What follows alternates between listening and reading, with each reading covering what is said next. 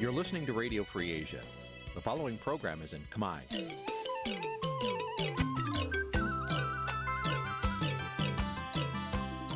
Nǐ chi càm bi tiệp xáy vệt chiu a zì sê ray នេះជាកម្មវិធីផ្សាយរបស់ Vithu Azisari ជាភាសាខ្មែរ វត្តឈូអាស៊ីសេរីសូមស្វាគមន៍លោកអ្នកនាងទាំងអស់ពីរដ្ឋធានី Washington នៃសហរដ្ឋអាមេរិក ពីរដ្ឋធានី Washington នាងខ្ញុំសុជីវីសូមជម្រាបសួរលោកអ្នកនាងកញ្ញាអ្នកស្ដាប់ Vithu Azisari ទាំងអស់ជាទីមេត្រីយើងខ្ញុំសូមជូនកម្មវិធីផ្សាយសម្រាប់ព្រឹកថ្ងៃច័ន្ទ11កើតខែពុត្របុត្រឆ្នាំថោះបัญចស័កពុរសករាជ2567ចាប់ដែលត្រូវនៅថ្ងៃទី25ខែកញ្ញាគ្រិស្តសករាជ2023ជាដំបូងនេះសូមអញ្ជើញលោកអ្នកនាងស្ដាប់ព័ត៌មានប្រចាំថ្ងៃដែលមានមេត្តាដូចតទៅ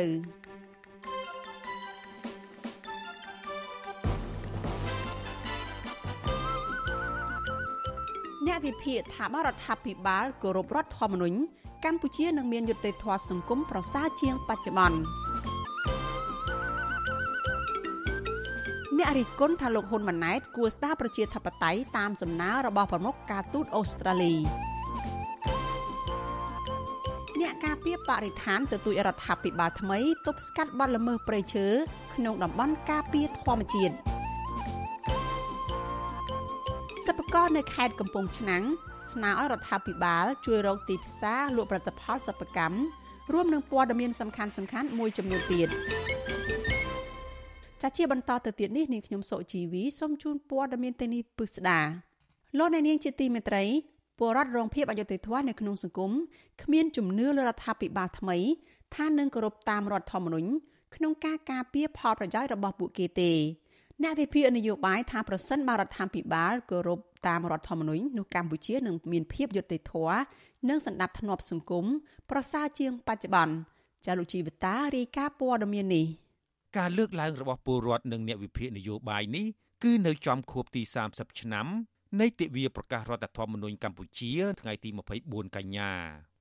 សកម្មជនសិទ្ធិមនុស្សដែលកំពុងភៀសខ្លួននៅប្រទេសថៃកញ្ញាអេងម៉ាឡៃហៅសូមេតា ដែលធ្លាប់ជាប់ពន្ធនាគារអស់រយៈពេលជាង1ឆ្នាំដោយសារអនុវត្តសិទ្ធិជាមូលដ្ឋានរបស់ខ្លួនប្រាប់វិទ្យុអាស៊ីសេរីនៅថ្ងៃទី24កញ្ញាថាកញ្ញាគ្មានជំនឿលើរដ្ឋាភិបាលថ្មីថានឹងដឹកនាំកម្ពុជាតាមរដ្ឋធម្មនុញ្ញនោះទេ ថាពិបាលគួរតែបើកលំហលទ្ធិប្រជាធិបតេយ្យពិតប្រាកដហើយគួរតែគោរពច្បាប់ដែលបានចែងមកគឺច្បាប់យើងល្អមែនទែនហើយរដ្ឋាភិបាលតែគោរពនិងអនុវត្តច្បាប់ទាំងអស់នោះឲ្យបានត្រឹមត្រូវកុំអនុវត្តច្បាប់ដែលស្តង់ដារ2ស្រដៀងគ្នានេះដែរតំណាងប្រជាសហគមន៍ភូមិសំរោងត្បូងដែលមានទំនាស់ដីធ្លីជាមួយអាជ្ញាធរនៅបឹងតមោករាជធានីភ្នំពេញ និងកំពុងភៀសខ្លួននៅប្រទេសថៃ គឺលោកស្រីប្រាក់សុភា ថ្លែងថាលោកស្រីគ្មានជំនឿលើការដឹកនាំរបស់រដ្ឋាភិបាលថ្មី ថានឹងដឹកនាំតាមរដ្ឋធម្មនុញ្ញដែរនោះទេព្រោះកន្លងទៅរដ្ឋាភិបាលមិនដែលយកច្បាប់មកអនុវត្តនោះទេបងដូចជាអត់មានជំនឿពួកគាត់ទេអូនពីព្រោះអីតាំងពីមុនគាត់មិនទាន់ឡើងគឺបងស្នើបងទទូចប៉ុន្តែគាត់នៅតែមិនលឺនៅតែមិនដឹង អញ្ចឹងបងមិនដឹងថានិយាយថាម៉េចអញ្ចឹងវិទ្យុអាស៊ីសេរីនៅពុំទាន់អាចតាក់ទងប្រធានអង្គភិបអ្នកណាំពាក្យរដ្ឋាភិបាលលោកប៉ែនប៊ូណាដើម្បីសុំការឆ្លើយតបចំពោះការលើកឡើងនេះនៅឡើយទេនៅថ្ងៃទី24កញ្ញាចែងកំណត់ក្នុងរដ្ឋធម្មនុញ្ញកម្ពុជាប្រកាន់យករបបរាជានិយមអាស្រ័យរដ្ឋធម្មនុញ្ញដោយឈលលើគោលការណ៍ប្រជាធិបតេយ្យសេរីពហុបករដ្ឋធម្មនុញ្ញបច្ចុប្បន្នត្រូវបានអនុម័តដោយសភាធម្មនុញ្ញ ក្រោយពីកម្ពុជាមានសន្ធិសញ្ញាសន្តិភាពទីក្រុងប៉ារីនិងបានប្រកាសឲ្យប្រើប្រាស់នៅថ្ងៃទី24កញ្ញាឆ្នាំ1993ដែលគិតមកដល់ពេលនេះមានអាយុ30ឆ្នាំគត់ទាក់ទងនឹងរដ្ឋធម្មនុញ្ញនេះអ្នកវិភាគនយោបាយចាស់ភាសាបណ្ឌិតឡៅម៉ុងហៃបានបង្ហោះសារនៅលើទំព័រ Facebook របស់លោកនៅចំខួបលើកទី30ឆ្នាំនៃទិវាប្រកាសរដ្ឋធម្មនុញ្ញថ្ងៃទី24កញ្ញាថាមេមេ ដែលលោកសម្ដៅទៅថ្នាក់ដឹកនាំកម្ពុជាកម្ពុជារដ្ឋាភិបាល តែងស្បត់ស្បាយថាគោរពរដ្ឋធម្មនុញ្ញលោកបន្ថែមថា បើជាការពិតមែនយើងនឹងបានសុខមានសន្តិភាពសង្គមយុត្តិធម៌និងមានឯកភាពជាតិជាអាចរដ្ឋធម្មនុញ្ញគឺជាច្បាប់កម្ពុជារបស់ជាតិប៉ុន្តែក្នុងរយៈពេល30ឆ្នាំកន្លងមកនេះគិតចាប់តាំងពីឆ្នាំ1993រហូតមកដល់ឆ្នាំ2023ច្បាប់កម្ពុជាមួយនេះ ត្រូវបានធ្វើវិសោធនកម្មឬកែប្រែមិនតិចជាង10ដងនោះទេវិសោធនកម្មភាគច្រើនត្រូវបានអ្នកច្បាប់និងអ្នកឃ្លាំមើលនយោបាយយល់ថា គឺដើម្បីការពារផលប្រយោជន៍និងអំណាចរបស់អតីតនាយករដ្ឋមន្ត្រីកម្ពុជា គឺលោកហ៊ុនសែននិងគណៈបកប្រជាជនកម្ពុជាការកែប្រែរដ្ឋធម្មនុញ្ញជាច្រើនលើកច្រើនសារតាមតែអំពើចិត្តរបស់គណៈបកកាន់អំណាចកំពុងធ្វើឲ្យច្បាប់កម្ពុមួយនេះបាត់បង់នៅគុណតម្លៃរបស់ខ្លួន ហើយពលរដ្ឋក៏បាត់បង់ជំនឿទៅលើការអនុវត្តច្បាប់កម្ពុមួយនេះដែរដោយសារតែវាត្រូវបានអ្នកមានអំណាចប្រើប្រាស់ការពៀផលប្រយោជន៍របស់ពួកគេខណៈគោលការណ៍សំខាន់សំខាន់ក្នុងច្បាប់កម្ពុមួយនេះដូចជាការលើកកម្ពស់ប្រជាធិបតេយ្យសេរីពហុបកនិងការគោរពសិទ្ធិសេរីភាពពលរដ្ឋជាដើមមិនត្រូវបានរដ្ឋាភិបាលយកចិត្តទុកដាក់អនុវត្តឲ្យបានពេញលេញនោះទេ ដែលនេះជាការបំពារបំពានលើរដ្ឋធម្មនុញ្ញខ្ញុំជីវិតាអាស៊ីសេរី លោកអ្នកនាងកញ្ញាជាទីមេត្រីចាអនុប្រធានគណៈបកសង្គ្រោះជាតិអ្នកស្រីមូសុខួរថាការតវ៉ារបស់ពលរដ្ឋគឺជាសិទ្ធិជាមូលដ្ឋានរបស់ពលរដ្ឋនៅក្នុងសង្គមប្រជាធិបតេយ្យដែលរដ្ឋាភិបាលត្រូវយកចិត្តទុកដាក់លោកស្រីក៏បានស្នើរដ្ឋាភិបាលលោកហ៊ុនម៉ាណែតបើកផ្លូវឲ្យមានការរួបរวมគ្នា ធ្វើការជាមួយគ្នា រវាងគណៈបកកាន់អំណាចនិងគណៈបកប្រឆាំងប្រសិនមកលោកហ៊ុនម៉ាណែតពិតជាគិតគូរពីផលប្រយោជន៍ជាតិពិតប្រាកដមែនការលើកឡើងរបស់មន្ត្រីគណៈបកប្រឆាំងនេះ គឺជាការឆ្លើយតបទៅនឹងការលើកឡើងរបស់លោកហ៊ុនម៉ាណែតនៅពេលលោកជួបជាមួយពលរដ្ឋខ្មែរនៅសហរដ្ឋអាមេរិកនិងនៅប្រទេសកាណាដាដែលក្រុមរបស់លោកហៅថាជាអ្នកគាំទ្ររបស់លោកនៅឯទីក្រុងញូវយ៉កកាលពីថ្ងៃទី23ខែកញ្ញាថាខ្មែរត្រូវតែរួបរวมគ្នាហើយស្មារតីជាតិនិយមមិនមែនចាំបាច់ត្រូវតែចេញតវ៉ាតាមដងផ្លូវទេចាស់ក្នុងពេលនោះលោកហ៊ុនម៉ាណែតក៏បានអះអាងដែរថា លោកត្រូវអង្គការសហប្រជាជាតិទទួលស្គាល់ស្មើមុខស្មើមាត់ជាមេដឹកនាំរដ្ឋាភិបាលស្របច្បាប់មិនដោយក្រុមអ្នកតវ៉ាប្រឆាំងរូបលោកលើកឡើងថាមិនស្របច្បាប់ឡើយចាសសូមអញ្ជើញលោកនាងរងចាំតាមដានស្ដាប់បទសម្ភាសអំពីរឿងនេះជាមួយអ្នកស្រីមូសុខួរអនុប្រធានគណៈបកសង្គ្រោះជាតិដែលនឹងឆ្លើយតបនឹងរឿងនេះនៅពេលបន្តិចទៀតនេះ។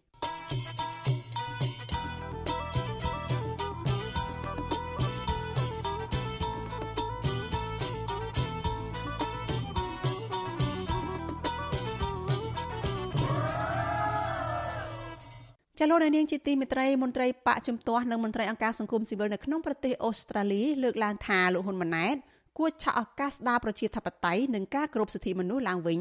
តាមសំណើរបស់ប្រមុខការទូតប្រទេសអូស្ត្រាលីដើម្បីទទួលបានផលប្រយោជន៍សេដ្ឋកិច្ចនិងមុខមាត់រដ្ឋាភិបាលរបស់លោកផ្ទាល់ការលើកឡើងនេះគឺបន្ទាប់ពីលោកហ៊ុនម៉ាណែតបានជួបពិភាក្សាការងារជាមួយរដ្ឋមន្ត្រីការបរទេសអូស្ត្រាលី នៅទីក្រុងញូវយ៉កសហរដ្ឋអាមេរិកជុំវិញការអភិវឌ្ឍសេដ្ឋកិច្ច បញ្ហាក្នុងតំបន់រួមទាំងបញ្ហាសិទ្ធិមនុស្សនិងប្រជាធិបតេយ្យនៅកម្ពុជាចាលោកថាថៃរាយការណ៍ព័ត៌មាននេះបើទោះបីជារដ្ឋាភិបាលប្រទេសប្រជាធិបតេយ្យធំធំដូចជាអូស្ត្រាលីជាដើមបានដឹងថារដ្ឋាភិបាលរបស់លោកហ៊ុនម៉ាណែតកើតចេញពីការបោះឆ្នោតคล้ายคล้ายក្តីក៏តំណាងរដ្ឋាភិបាលបរទេសទាំងនេះនៅតែជួបជាមួយលោកហ៊ុនម៉ាណែតដើម្បីផ្ដល់ឱកាសនិងរំលឹកឡើងវិញឲ្យមេដឹកនាំវ័យក្មេងរូបនេះ ដឹកនាំប្រទេសតាមមាគ៌ាប្រជាធិបតេយ្យនិងការគោរពសិទ្ធិមនុស្សពិតប្រាកដប្រធានគណៈបកភ្លើងទៀនប្រចាំប្រទេសអូស្ត្រាលីនិងនូវែលសេឡង់លោកម៉ែនវណ្ណាថ្លែងថាដោយសារតែលោកហ៊ុនម៉ាណែតជាអ្នកមានអំណាចដូច្នេះហើយទើបរដ្ឋមន្ត្រីការបរទេសអូស្ត្រាលីអ្នកស្រី Penny Wong ទទួលជួបលោកតាមបែបពិធីការការទូតធម្មតាក្នុងពេលទៅចូលរួមមហាសន្និបាតអង្គការសហប្រជាជាតិពលគឺមិនមែនជាការផ្ដោតតម្លៃដល់លោកហ៊ុនម៉ាណែតជាមេដឹកនាំស្របច្បាប់ឡើយលើពីនេះ លោកមើលឃើញថានៅក្នុងជំនួបជាមួយលោកហ៊ុនម៉ាណែតនោះប្រមុខការទូតអូស្ត្រាលីរួមទាំងអគ្គលេខាធិការអង្គការសហប្រជាជាតិជាដើមសុទ្ធតែដាស់តឿនឲ្យលោកហ៊ុនម៉ាណែតស្ដារប្រជាធិបតេយ្យនិងការគោរពសិទ្ធិមនុស្សឡើងវិញ ជំនួបជាមួយលោកហ៊ុនម៉ាណែតហ្នឹងគឺប្រទេសអូស្ត្រាលីគេចង់បានឃើញលទ្ធិប្រជាធិបតេយ្យហើយបើសិនជាលោកហ៊ុនម៉ាណែតគាត់កែសម្រួលគាត់ដើរតាមរបៀបលទ្ធិប្រជាធិបតេយ្យខ្ញុំជឿថាប្រជាពលរដ្ឋនឹងគ្រប់គ្រងគាត់គឺយើងសប្បាយចិត្តសូម្បីតែខ្ញុំផ្ទាល់គឺខ្ញុំគ្រប់គ្រងដែរ ពីព្រោះយើងចង់បានយុត្តិធម៌នៅក្នុងសង្គមធ្វើអីក៏ដោយបោះឆ្នោតឲ្យយកសម្លេងឲ្យយកសេចក្តីសម្រេចរបស់ប្រជាពលរដ្ឋអានឹងគឺយើងទទួលស្គាល់តើលោកគិតថាលោកហ៊ុនម៉ាណែតហ៊ានធ្វើទេឬក៏គ្រាន់តែជាការជួបនឹងដើម្បីបោកប្រាស់គេចំណេញនយោបាយពីរដ្ឋាភិបាលអូស្ត្រាលីយើងអត់មានសង្ឃឹមថាអាចធ្វើបាននេះដោយសារសិទ្ធិតែក្រុមគ្រួសាររបស់រដ្ឋមន្ត្រីចាស់ចាស់ច្រើនអាណត្តិមកហើយគាត់មិនកែទេដូច្នេះ យើងទាំងអស់គ្នាក្នុងនាមជាប្រជាពលរដ្ឋក៏យើងជំរុញរដ្ឋាភិបាលអូស្ត្រាលីនឹងឲ្យគាត់យកកិច្ចព្រមព្រៀង23ដុល្លារនឹងយកមកពិនិត្យម្ដងទៀតហើយនឹងធ្វើការយ៉ាងតឹងរឹងបំផុតសម្រាប់រដ្ឋាភិបាលសប្តាហ៍នេះកាលពីថ្ងៃទី22ខែកញ្ញាលោកហ៊ុនម៉ាណែតបានជួបពិភាក្សាការងារជាមួយរដ្ឋមន្ត្រីការបរទេសអូស្ត្រាលីគឺអ្នកស្រី Penny Wong នៅទីស្នាក់ការកណ្ដាលអង្គការសហប្រជាជាតិនៅទីក្រុងញូវយ៉កប្រមុខការទូតអូស្ត្រាលីរូបនេះ បានបង្ហោះសារក្នុងបណ្ដាញ Twitter យ៉ាងខ្លីថាអ្នកស្រីបានជជែកជាមួយលោកហ៊ុនម៉ាណែតលើបញ្ហាជាច្រើនដូចជាការអភិវឌ្ឍសេដ្ឋកិច្ចបញ្ហាអតិភិបក្នុងតំបន់ព្រមទាំងបញ្ហាលំហប្រជាធិបតេយ្យនិងសិទ្ធិមនុស្សនៅកម្ពុជារីឯលោកហ៊ុនម៉ាណែតវិញលោកបានបញ្ជាក់នៅជំហរនៃរដ្ឋាភិបាលរបស់លោកក្នុងការចង់បន្តកិច្ចសហប្រតិបត្តិការជិតស្និទ្ធជាមួយអូស្ត្រាលីក្នុងវិស័យសក្តានុពលទាំងក្រមយន្តការទ្វេភាគីនិងពហុភាគី ក្រៅពីនេះទំនងជាបារម្ភអំពីភាពស្របច្បាប់របស់រដ្ឋាភិបាលខ្លួនលោកហ៊ុនម៉ាណែតក៏មិនភ្លេចនិយាយបញ្ចុះបញ្ចូលអ្នកស្រី Penny Wong អំពីការបោះឆ្នោតនៅកម្ពុជាដែរដោយលោកអះអាងថាមានពលរដ្ឋទៅបោះឆ្នោតច្រើនបន្ថែមពីនេះលោកហ៊ុនម៉ាណែតបានបញ្ជាក់ជំហរទៀតថារដ្ឋាភិបាលរបស់លោកនឹងបន្តធ្វើឲ្យប្រសើរឡើងនៅសិទ្ធិមនុស្សនិងដំណើរការលទ្ធិប្រជាធិបតេយ្យនៅកម្ពុជារួមមានជាអាចការបន្តកែតម្រង់អភិបាលកិច្ចនិងប្រព័ន្ធយុតិធធរបស់រដ្ឋាភិបាល និងការបន្តអនុញ្ញាតឲ្យមានអ្នករាយការណ៍ពិសេសទទួលបន្ទុកស្ថានភាពសិទ្ធិមនុស្សរបស់អង្គការសហប្រជាជាតិនៅកម្ពុជាតាក់ទងនឹងបញ្ហានេះប្រធានអង្គការសម្ព័ន្ធខ្មែរដើម្បីកិច្ចព្រមព្រៀងសន្តិភាពទីក្រុងប៉ារីសឬហៅថាអង្គការ23ដុល្លារលោកអ៊ិនណាតមានប្រសាសន៍ថារដ្ឋាភិបាលអូស្ត្រាលីឬមេដឹកនាំប្រទេសប្រជាធិបតេយ្យផ្សេងទៀតតែងចង់ពង្រឹងទំនាក់ទំនងជាមួយប្រទេសនានានៅក្នុងតំបន់រួមទាំងកម្ពុជាផង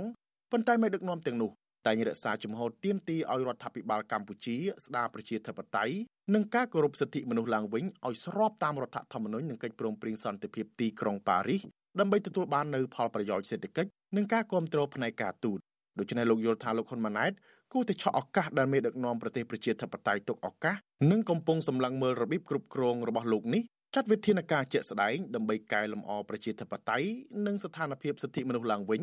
បើពុំនោះទេលោកនឹងបាត់ឱកាសកសាងសង្គមសេដ្ឋកិច្ចហើយថែមទាំងបាត់ឱកាសគ្រប់គ្រងពីសហគមន៍អន្តរជាតិទៀតផង។ ខ្ញុំគិតថាបើសិនជាគាត់ដើរតាមគំរូរបស់ឪពុករបស់គាត់ខ្ញុំជឿថាគាត់នឹងមិនទទួលបានការទទួលស្គាល់ទេហើយគួរឲ្យស្ដាយប្រទេសខ្មែរនឹងជួបបញ្ហាវិបត្តិសេដ្ឋកិច្ចនិង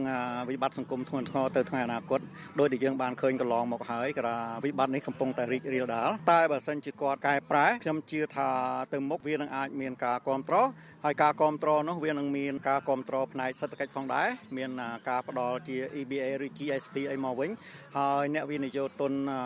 ធំធំនៅបរទេសហ្នឹងអាចចូលទៅវិនិយោគនៅប្រទេសខ្មែរដែលធ្វើឲ្យប្រជាជនមានការងារធ្វើពេលនោះយើងនឹងមានការអភិវឌ្ឍពិតប្រាកដនៅក្នុងពេលចូលរួមមហាសន្និបាតអង្គការសហប្រជាជាតិលើកទី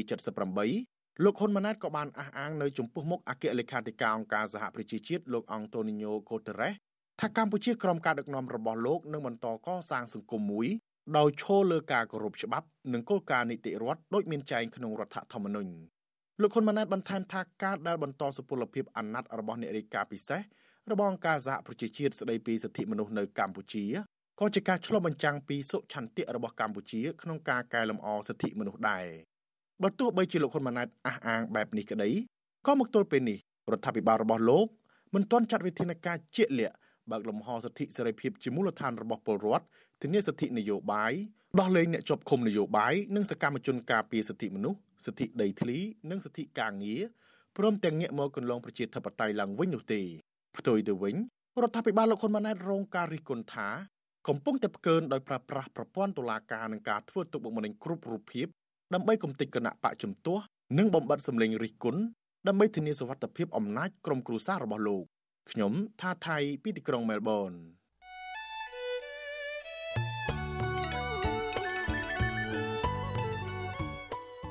លោកនាងកញ្ញាជាទីមេត្រីចានៅក្នុងឱកាសនេះដែរនាងខ្ញុំសូមថ្លែងអំណរគុណដល់លោកនាងកញ្ញាទាំងអស់ដែលតែងតែមានភក្ដីភាពចំពោះការផ្សាយរបស់យើងហើយចាត់ទុកការស្ដាប់វិទ្យុអាស៊ីសេរីគឺជាផ្នែកមួយនៃសកម្មភាពប្រចាំថ្ងៃរបស់លោកអ្នកនាងចាការគ្រប់គ្រងរបស់លោកអ្នកនាងនេះហើយដែលធ្វើឲ្យយើងខ្ញុំមានទឹកចិត្តកាន់តែខ្លាំងថែមទៀតក្នុងការស្វែងរកនិងផ្តល់ព័ត៌មានពិតជូនលោកអ្នកនាងចាំមានអ្នកស្ដាប់មានអ្នកទស្សនាកាន់តែច្រើន កាន់តែធ្វើឲ្យយើងខ្ញុំមានភាពស្វាហាប់និងមោះមុតជាបន្តទៅទៀតយើងខ្ញុំសូមអរគុណទុកជាមុនហើយសូមអញ្ជើញលោកអ្នកនាងកញ្ញាទាំងអស់ចូលរួមជំរុញឲ្យសកម្មភាពផ្តល់ព័ត៌មានរបស់យើងនេះកាន់តែជោគជ័យបន្ថែមទៀតចាលោកអ្នកនាងកញ្ញាអាចជួយយើងខ្ញុំបានដោយគ្រាន់តែចុចចែករំលែកឬក៏ share ការផ្សាយរបស់យើងនៅលើបណ្ដាញសង្គម Facebook និង YouTube ទៅកាន់មិត្តភ័ក្តិរបស់លោកអ្នកនាងចាដើម្បីឲ្យការផ្សាយរបស់យើងនេះបានទៅដល់មនុស្សកាន់តែច្រើនចាសសូមអរគុណ លោកអ្នកនាងកញ្ញាជាទីមេត្រីចាងាកមកព័ត៌មានតកតនឹងការការពារធនធានធម្មជាតិនិងបរិស្ថានវិញម្ដងចាក្រុមអ្នកស្រឡាញ់ធនធានធម្មជាតិទទូចឲ្យមន្ត្រីរដ្ឋាភិបាលថ្មីចុះទប់ស្កាត់បទល្មើសព្រៃឈើដែលកំពុងកើតមាននៅក្នុងតំបន់ព្រៃការពារធម្មជាតិពួកគេសង្ឃឹមថារដ្ឋាភិបាលថ្មីនឹងមានវិធានការតឹងរឹងចំពោះជនល្មើសដែលបានកាប់និងរត់ពន្ធឈើឆ្លងដែនចាលោកមានរិទ្ធរាយការណ៍ព័ត៌មាននេះ ក្រុមអ្នកស្រឡាញ់ធនធានធម្មជាតិនិងជាអ្នកការពារព្រៃឈើចង់ឃើញមន្ត្រីពាក់ព័ន្ធរបស់រដ្ឋាភិបាលថ្មីចុះទប់ស្កាត់និងចាត់វិធានការតឹងរឹងទៅលើក្រុមឈ្មួញរកស៊ីឈើខុសច្បាប់ជាពិសេសក្រុមឈ្មួញដែលតែងតែលួចកាប់ឈើមានតម្លៃក្នុងដែនជម្រកសត្វព្រៃដែលជាតំបន់ការពារធម្មជាតិការទទូចបែបនេះគឺបន្ទាប់ពីព្រៃនៅតំបន់អភិរក្សចំនួន4រួមមានដែនជម្រកសត្វព្រៃស្រែពកភ្នំព្រេច ព្រៃព្រះរកានិងព្រៃឡង់កំពុងរងនឹងការកាប់បំផ្លាញនិងដឹកជញ្ជូនដោយក្រុមឈ្មួញមានអំណាចយកទៅលក់នៅតាមដីពោក្នុងស្រុកនិងលក់នៅប្រទេសវៀតណាមព្រមទាំងបណ្ដាប្រទេសផ្សេងៗទៀតអ្នកសម្របសម្រួលបណ្ដាញសហគមន៍ព្រៃឡង់ខេត្តកំពង់ធំ លោកខឿនសុភីបប្រាវិសុវអាស៊ីស្រីនៅថ្ងៃទី24ខែកញ្ញាថាបណ្ដាញសហគមន៍ព្រៃឡង់នៅតែបន្តរកឃើញបទល្មើសព្រៃឈើនៅក្នុងតំបន់ព្រៃឡង់ លោកទទូចឲ្យរដ្ឋាភិបាលថ្មីត្រូវចាត់វិធានការឲ្យបានតឹងរឹងនិងស្វែងរកអ្នកជាប់ពាក់ព័ន្ធទាំងអស់យកមកអនុវត្តតាមច្បាប់ លើពីនេះទៀតលោកចង់ឲ្យរដ្ឋាភិបាលនិងរដ្ឋមន្ត្រីក្រសួងបរិស្ថានថ្មីបើកចិត្តឲ្យទូលាយអនុញ្ញាតឲ្យសហគមន៍មូលដ្ឋាន បានចូលរួមល្បាតព្រៃនិងការពារព្រៃឈើដើម្បីរួមចំណែកទប់ស្កាត់បទល្មើសព្រៃឈើខ្ញុំសំណូមពរទៅដល់រាជរដ្ឋាភិបាលដែលមាននាយករដ្ឋមន្ត្រីថ្មីនោះឯកឧត្តមហ៊ុនម៉ាណែតនោះគឺសូមឲ្យលោកធ្វើការកែតម្រង់ដល់គោលនយោបាយឬក៏មានវិធានការឲ្យមានប្រសិទ្ធភាពជាងអាណត្តិមុនបានន័យថាអាមុនវាអត់មានប្រសិទ្ធភាពទេប៉ុន្តែឥឡូវនេះគឺការរឹតបន្តឹងនៃសកម្មភាពនៃការទប់ស្កាត់បទល្មើសព្រៃឈើនោះឲ្យមានប្រសិទ្ធភាពផែនការចុះស៊ើបអង្កេតនៅតាមមន្ត្រីមូលដ្ឋានឬក៏មន្ត្រីតាមថ្នាក់ការបរិស្ថាននៅក្នុងតំបន់ការពារមួយចំណែកអ្នកស្រាវជ្រាវនឹងឃ្លាំមើលធនធានធម្មជាតិនៅកម្ពុជា លោកសេងសុខេងលើកឡើងថាដែនជម្រកសត្វព្រៃចំនួន2ក្នុងខេត្តមណ្ឌលគិរីគឺដែនជម្រកសត្វព្រៃស្រែពកនិងភ្នំព្រេច ក៏កំពុងរងនឹងការកាប់ឈើមានតម្លៃដោយក្រុមឈ្មួញនាំគ្នាដឹកយកទៅលក់នៅប្រទេសវៀតណាមអស់រយៈពេលជាងកន្លះខែមកហើយក៏ប៉ុន្តែលោកថានៅមិនទាន់ឃើញមានសមត្ថកិច្ចចាត់វិធានការណាមួយទៅលើក្រុមឈ្មួញមានអំណាចទាំងនោះទេរដ្ឋាភិបាលគួរ តែចាប់ផ្ដើមអន្តរាគមន៍ជាបន្តឬក៏ចាត់វិធានការជាបន្តនោះគឺទី1គឺការទប់ស្កាត់ការធ្វើអាជីវកម្មឈើគ្រប់រូបភាពជាពិសេសការធ្វើអាជីវកម្មឈើឆ្លងដែនទៅក្រៅប្រទេសបាទគួរតែធ្វើការបញ្ឈប់ចាត់វិធានការផ្លូវច្បាប់ទៅដល់អ្នកពាក់ព័ន្ធបាទជាពិសេសគឺមន្ត្រីឬអាជ្ញាធរមួយចំនួនឬក៏ដែលពាក់ព័ន្ធនៅ ជុំវិញរឿងនេះ Visual Asia ស្រីមិនទាន់អាចតាក់ទងแนะនាំពាក្យរដ្ឋាភិបាលលោកប៉ែនបូណានិងแนะនាំពាក្យកងរាជអាវុធហត្ថលើផ្ទៃប្រទេសលោកអេងហ៊ីបាននៅឡើយទេនៅថ្ងៃទី24ខែកញ្ញា ទាក់ទងនឹងបញ្ហានេះអ្នកសម្របសម្រួលគម្រោងនៃសមាគមបណ្ដាញយុវជនកម្ពុជាហៅកាត់ថា CYN លោកអូតឡាទីនយល់ឃើញថារដ្ឋាភិបាល គួរស្ដាប់និងទទួលយកសំណើរបស់សហគមន៍និងសកម្មជនបរិស្ថានដើម្បីស្វែងរកដំណោះស្រាយរួមគ្នាក្នុងការការពារធនធានធម្មជាតិនិងទប់ស្កាត់បទល្មើសព្រៃឈើដែលកំពុងកើតមាននៅក្នុងតំបន់ព្រៃអភិរក្ស លោកបានថែមថាបញ្ហាដែលកើតមានកាលពីពេលកន្លងមកនេះគឺដោយសារតែមន្ត្រីរដ្ឋាភិបាលធូររលុងនៅក្នុងការអនុវត្តច្បាប់បណ្តែតបណ្តោយឲ្យជនល្មើសទាំងនោះរកស៊ីកាប់ឈើនៅក្នុងតំបន់ការពារដោយសេរីលើពីនេះទៀតលោកថាក្រសួងបរិស្ថានគួរសហការជាមួយសហគមន៍មូលដ្ឋាន ជាជាងរារាំងមិនឲ្យសហគមន៍ចូលរួមការពារព្រៃឈើនិងតាមធ្វើទុកបុកម្នេញទៅលើពួកគេ បើសិនជារដ្ឋាភិបាលថ្មីដោយរដ្ឋាភិបាលចាស់បានន័យថាផាត់សហគមន៍ចេញផាត់សមាគមអង្គការសង្គមស៊ីវិលចេញផាត់សកម្មជនផាត់សហគមន៍មូលដ្ឋានមិនអោយចូលរួមចំណែកនៅក្នុងការការពារធនធានធម្មជាតិនៅក្នុងប្រទេសកម្ពុជាបញ្ហាធនធានធម្មជាតិនៅក្នុងប្រទេសកម្ពុជាគឺនឹងបន្តកើតមានដោយចំនួនរដ្ឋាភិបាលចាស់អញ្ចឹងយ៉ាងហោចណាស់មានដែនជម្រកសត្វព្រៃចំនួន5កំពុងរងនឹងការកាប់ឈើកម្រដែលមានតម្លៃយកទៅលក់នៅតាមទីផ្សារជាតិនិងអន្តរជាតិ ដែនជម្រកសត្វព្រៃទាំងនោះមានដូចជាដែនជម្រកសត្វព្រៃភ្នំអរ៉ាល់ដែនជម្រកសត្វព្រៃព្រះរកាព្រៃឡង់និងដែនជម្រកសត្វព្រៃនៅភូមិភាគឦសានចំនួន2ទៀតគឺដែនជម្រកសត្វព្រៃស្រែពកនិងដែនជម្រកសត្វព្រៃភ្នំព្រេងក្រុមអ្នកស្រឡាញ់ព្រៃឈើចង់ឃើញរដ្ឋាភិបាលថ្មីប្រើឆន្ទៈពិតប្រាកដក្នុងការទប់ស្កាត់បទល្មើសព្រៃឈើនិងការពារធនធានធម្មជាតិនៅកម្ពុជាខ្ញុំបាទមេរិត Visual Asia ស្រីពីរដ្ឋធានី Washington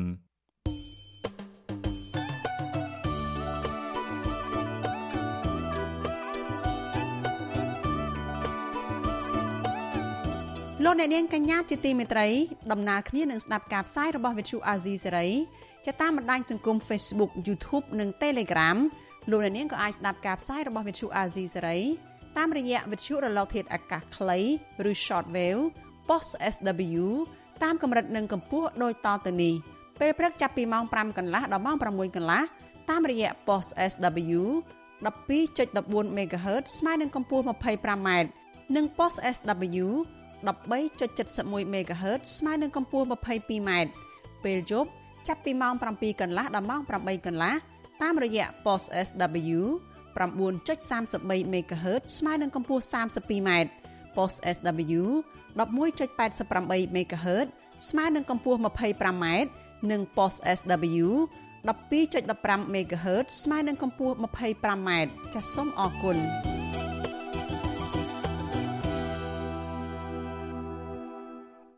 លោកអ្នកនាងកញ្ញាជាទីមេត្រីចាព័ត៌មានតកតងនឹងក្តីកង្វល់របស់កម្មករដែលចង់ឲ្យមានការទប់ស្កាត់ការដំឡើងថ្លៃឈ្នួលផ្ទះនិងបន្ទប់ជួលវិញម្ដងកម្មកររោងចក្រកាត់ដេរមួយចំនួនស្នើដល់រដ្ឋាភិបាលឲ្យទប់ស្កាត់ការដំឡើងថ្លៃផ្ទះជួលឬបន្ទប់ជួលឲ្យមានប្រសិទ្ធភាពមន្ត្រីអង្គការសង្គមស៊ីវិលក៏ជំរុញឲ្យអាជ្ញាធរមានសមត្ថកិច្ច ចុះអនុវត្តច្បាប់កិច្ចសន្យាជួលផ្ទះឲ្យបានម៉ឺងម៉ាត់ដើម្បីបញ្ជាការដំឡើងថ្លៃជួលផ្ទះនោះតាមតែអំពើចិត្តនិងជំរុញរដ្ឋាភិបាលដំឡើងប្រាក់ឈ្នួលឲ្យបានសមរម្យដើម្បីជាប្រយោជន៍របស់កម្មករនៅក្នុងវិស័យកាត់ដេរនេះចាលោកនៅវណ្ណរិនរាយការណ៍អំពីរឿងនេះកម្មកររោងចក្រក្នុងវិស័យវាយនភ័ណ្ឌកាត់ដេរផលិតស្បែកជើង និងផលិតផលធ្វើដំណើរអំពាវនាវដល់រដ្ឋាភិបាលថ្មីដែលដឹកនាំដោយលោកហ៊ុនម៉ាណែតជួយអន្តរាគមន៍ កុំឲ្យម្ចាស់ផ្ទះជួលឬបន្ទប់ជួលដំឡើងថ្លៃដូចឆ្នាំកន្លងទៅ ទន្ទឹមនឹងនេះពួកគាត់ស្នើឲ្យរដ្ឋាភិបាលដោះស្រាយបញ្ហាតម្លៃទំនិញលើទីផ្សារកុំឲ្យឡើងថ្លៃខ្ពស់ព្រមទាំងត្រូវពិនិត្យមើលឲ្យបានជាក់លាក់នៅតម្លៃអគិសនី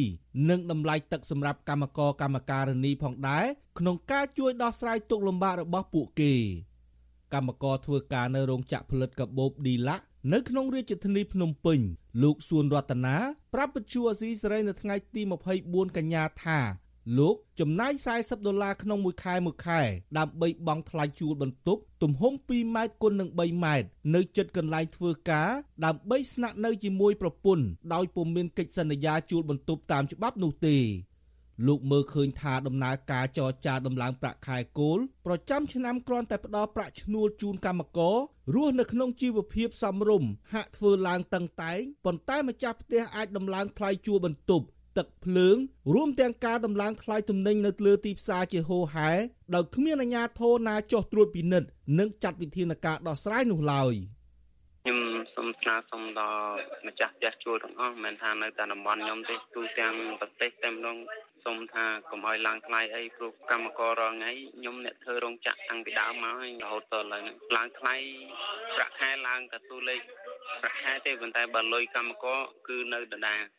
ស្រដៀងគ្នានេះដែរកម្មកររោងចក្រកាត់ដេរម្នាក់ទៀតជួបន្ទប់នៅសង្កាត់ស្ទឹងមានជ័យលោកស្រីព្រំសុភីប្រាប់ថាបច្ចុប្បន្នជីវភាពគ្រួសាររបស់លោកស្រីរស់នៅដោយលំបាកដោយសារតែចំណូលដែលរកបានពុំអាចផ្គត់ផ្គង់តម្រូវការនៅក្នុងគ្រួសារឲ្យបានគ្រប់គ្រាន់ ខណៈលោកស្រីត្រូវបង់ថ្លៃជួលបន្ទប់ប្រចាំខែ55ដុល្លារដែលឆ្នាំមុនលោកស្រីចំណាយត្រឹមតែ50ដុល្លារបូករួមទាំងការចំណាយទឹកថ្លៃភ្លើង15ដុល្លារទៅ20ដុល្លារក្នុងមួយខែមួយខែថែមទៀតផង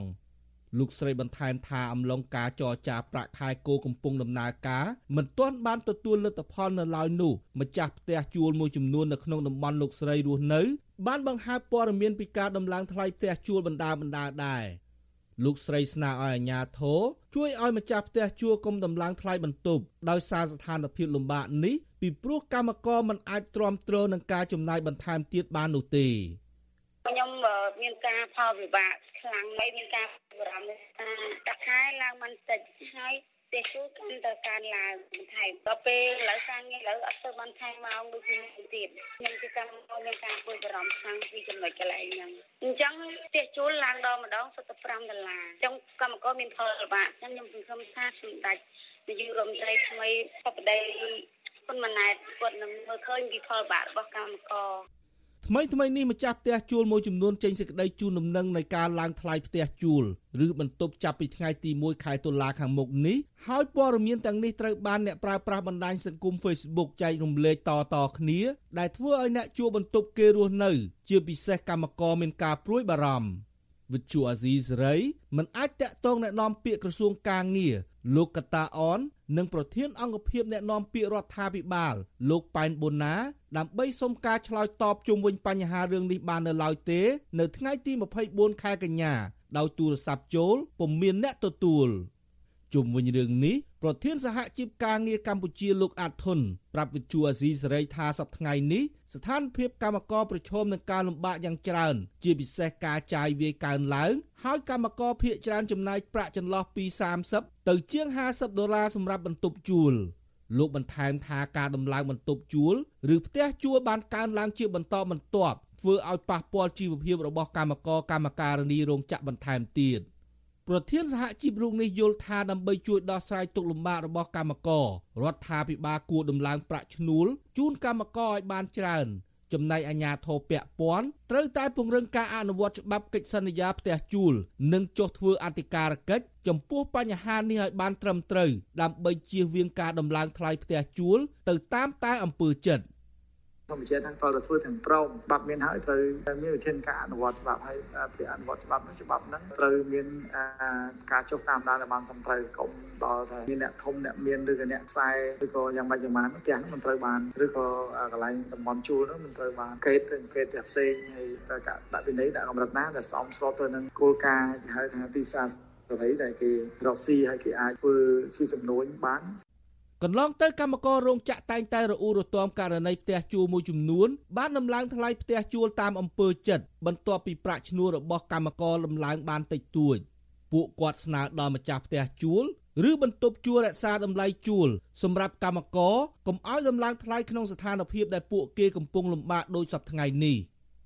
ច្បាប់ស្តីពីភតិសន្យាពិសេសឬហៅថាច្បាប់ជួលផ្ទះមិនអនុញ្ញាតឲ្យម្ចាស់ផ្ទះជួលដំឡើងថ្លៃផ្ទះសម្រាប់កម្មករនិស្សិតនិងសិស្សដែលជួលផ្ទះក្នុងអំឡុងពេល2ឆ្នាំនៃការជួលផ្ទះនិងផ្ដល់កម្មសិទ្ធិឲ្យអ្នកជួលផ្ទះអាចឈប់ជួលផ្ទះពេលណាក៏បានសហជីពឯករាជ្យក្រុមកម្មករនិងប្រជាពលរដ្ឋមួយចំនួនដែលរស់នៅក្នុងផ្ទះជួលមើលឃើញថាម្ចាស់ផ្ទះជួលមួយចំនួនមិនបានអនុវត្តតាមច្បាប់នេះឲ្យមានប្រសិទ្ធភាពនោះទេ ចំណែកអាជ្ញាធរដែលពាក់ព័ន្ធក៏មិនចាត់វិធានការលើម្ចាស់ផ្ទះជួល ដែលមិនអនុវត្តត្រឹមត្រូវតាមច្បាប់នេះនោះដែរខ្ញុំបាទនៅវណ្ណរិន with Chu Azizi Saray ពីរដ្ឋធានី Washington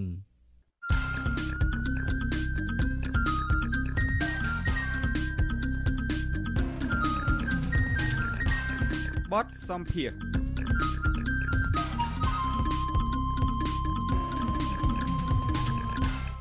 លោកនាងកញ្ញាជាទីមេត្រីអនុប្រធានគណៈបកសង្គ្រោះជាតិអ្នកស្រីមួសុខហួរថាការតវ៉ារបស់ពលរដ្ឋគឺជាសិទ្ធិជាមូលដ្ឋានរបស់ពលរដ្ឋនៅក្នុងសង្គមប្រជាធិបតេយ្យ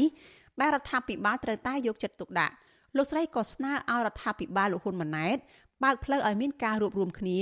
ធ្វើការជាមួយគ្នារវាងបកកណ្ដាលអំណាចនិងបកប្រឆាំង